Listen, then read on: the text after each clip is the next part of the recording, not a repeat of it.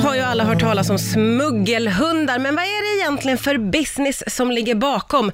Det har Jonny von Wallström tagit reda på i den uppmärksammade dokumentären Älskade smuggelhund och Jonny också min gäst för dagen. Välkommen hit ska jag säga. Eh, Tack. får jag, eh, ditt intresse för allt det här eh, startade med att du själv köpte en hund. Vad var det som hände? Alltså jag köpte ju en hund eh, efter att jag haft en, en hund liksom, som jag själv har kollat upp kennel och så. Och, och då kände jag till på grund av att jag hade köpt en hund att det finns smugglade hundar på Blocket eller att det finns Mm. oseriösa hundsäljare på Blocket. Eh, men då tog vi över en hund av en, eh, några ja, bekanta till oss. Och då visste vi inte alls var den kom ifrån. Och Okej. sen så började vi liksom så se så många tecken på att den här hunden är inte som den ska. Eh, Vad såg ni för tecken? det var liksom allt från att hon så här, opererade till exempel för patella så två gånger innan hon var typ ett och ett halvt år. Eh, det var andningen, och det här var en fransk bulldog, så att de har ju dålig Mm. andning många gånger, men hon var liksom extrem. Hon Mm. hade så här, jag tror det heter mjukgomsegel också, vilket försvårar ännu mer med andningen. Ja. Men annars så var hon liksom ganska pigg, alltså piggare än våra andra egentligen, eh, bara för att de var valp. Ja, ja. och så då blir man ju också förvirrad. Eh, för man tror att så här, ja, men det kanske inte är så illa som det är. Men eh, sen så dog hon redan eh, innan hon hann fylla tre. Och väldigt plötsligt. Ja, hon föll ihop förlamad. Och vad, vad, vad hände sen? Vad tänkte du i det där då? Ja, men då så här, man är ju så upptagen med att här, sörja sin hund, eh, så att man tänker inte så mycket liksom, på så här, vad den kommer ifrån då. Man är så upptagen Ja. med, med liksom det. Så det var faktiskt mm, kanske nio år efteråt som jag så började tänka på det, för att jag tänkte på vad ska jag göra för film? Ja, Mm. men det här känns relevant, det här känns inte som att någon Ja. pratar särskilt mycket om det här och det är ett stort problem. Och det verkar vara väldigt många som sen naivt tror att det bara är att gå och köpa en hund och sen är allting säkert och att det är en bra hund och så. Ja. Eh, så det kändes liksom som att det här var en, en viktig film att göra och då eh, ja, kontaktade jag SVT och så tyckte de om idén och så gjorde vi en film om det. Får jag fråga dig, vad, vad visste du då, då om smuggelhundsbranschen, eller vad man ska säga? Vad hade du för bild av den innan du gjorde filmen?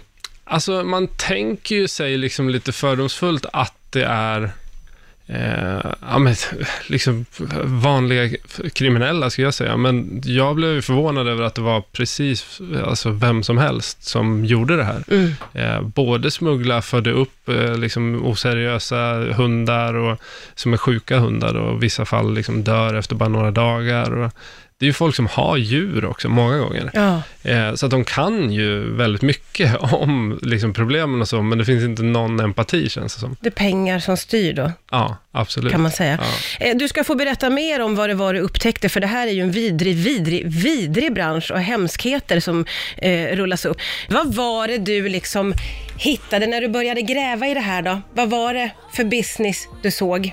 Ah, alltså, den är ju väldigt mycket större än vad jag trodde. Alltså, det är ju... Dels så går det ju att leda liksom till Blocket och dels går det att leda till stora kennlar i Sverige. Eh, man kan se väldigt mycket liksom, eh, som har funnits kennlar under åren då. Det, det är svårt att peka på vilken det skulle vara idag, för det finns liksom så, så svårt att bevisa saker.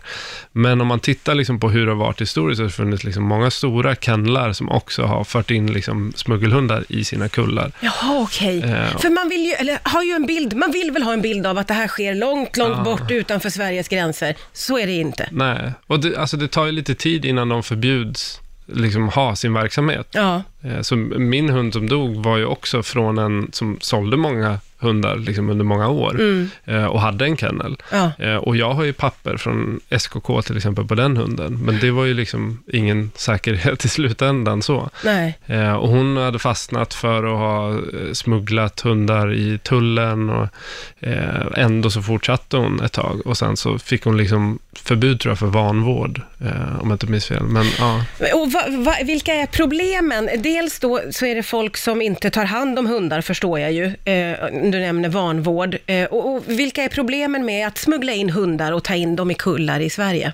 Alltså frågar man till exempel tullen så är det typ risken för rabies som är det värsta. Frågar man en hundköpare så är det ju snarare den så emotionella terrorn som man får gå igenom när man får avliva en hund och, och liksom den biten som väger tyngre. Mm. Eh, och den tror jag också tullen ofta ser, men eh, liksom deras skyddsbehov eller vad de har ansvar för har mer att göra med liksom, rabies och sånt som Jordbruksverket har eh, ja, sagt att de ska, ska bry sig om. Mm. Så att då tittar man liksom på till exempel då, alltså pass och så kollar man, har de chip och så finns det ett rabiesvaccin. Det är ju ofta så långt det går, för Ja. att det är ändå så här, det är folk som pendlar och det ska automatiskt kollas upp. Och i det så finns det ju liksom ingen jättegaranti för att eh, ja, det ska vara en frisk hund. Eh, Ens att den ska ha liksom rabiesvaccination finns det ingen garanti för, för den kan ha liksom fått en liten dos att ge utslag, så man måste göra liksom en djupare undersökning. Oj, också. Ja. Så det finns ju liksom, om du systematiskt vill smuggla så, så går det att hitta sätt. Ja. Eh, och det är inte särskilt svårt, har väl jag sett liksom, genom det här.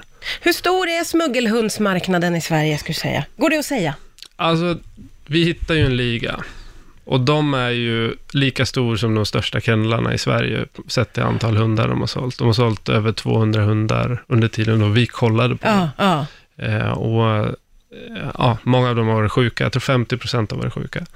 Och flera har dött direkt hos ja, Så det är ett väldigt utbrett problem helt verkligen. enkelt.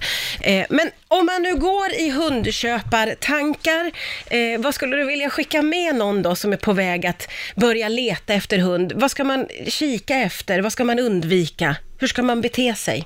Eh, köp inte hund på Blocket kan man väl säga först. Men det svåra är att det finns liksom inte något bra sätt att scrolla efter hundar på något annat ställe än på Blocket. Så Nej, att precis. skulle Där får man ju bild och det är så, så mysigt att sitta där och scrolla, men där är det mycket... Där finns det mycket Fuffens som är fuffens. Och det som Blocket egentligen skulle behöva göra är att införa bank-id på eh, säljare. Ja. Så att man kan få bort liksom, de oseriösa. För nu är det ganska lätt att skapa ny profil och sälja på ja, telefonen. Ja, just det. Men om man får kontakt med en kennel och åker dit eh, och tittar på valpar, eh, vad, hur ska man bete sig där då? Vad ska man liksom tänka på? Ja, man ska ju inte bli rädd för att man blir utfrågad som ett polisförhör, vilket en seriös kennel skulle göra. Ja, det gör de ja. Det är mycket frågor. Ja, och det är mycket kritik mot att du är första gången hundägare eller att du bor i lägenhet eller vad det nu är. Just. Eh, och det är ju ett problem liksom, när du köper din första hund, för du kan inte ha någon erfarenhet. Nej. Men du är ju säkert ganska olämpad och okunnig också, så att du, läs på, skulle jag säga. Ja. För att de kommer komma, de frågorna som ifrågasätter. Eh, men annars så är det väl liksom framförallt så här, kolla upp allt man kan och researcha linjerna på hunden, som mormor, morfar, mamma, pappa. Ja. Prata med de kennlarna, prata med de ägarna, ägarna till syskon. Prata med eh, de här kennelklubbarna som finns också. ja, just det. Det får ingå att göra lite research, eller Ja. kanske ganska mycket helt enkelt. Ganska mycket. Ja. Ja. Vad har du fått för respons efter den här filmen du har gjort? men det har varit jättebra. Eh, det har varit jättemycket, särskilt i, liksom, mm, inom fransk bulldog-världen så har den ju fått jättestort eh, intryck, liksom, i och med att det har varit mycket fokus på det. Eh, men det har varit väldigt mycket folk som kommer fram och pratar med mig om den. Och, Mm. eh, Vad ja, tänker du om det då? Att det slår an hos så många? Alltså det är roligt att den får så brett genomslag. Eh, tidigare filmer som jag har gjort har inte varit så här eh, breda, kan man säga. så det är nu nu gav du dig på att researcha något som har med hund att göra och då blir det så här Jonny. Ja.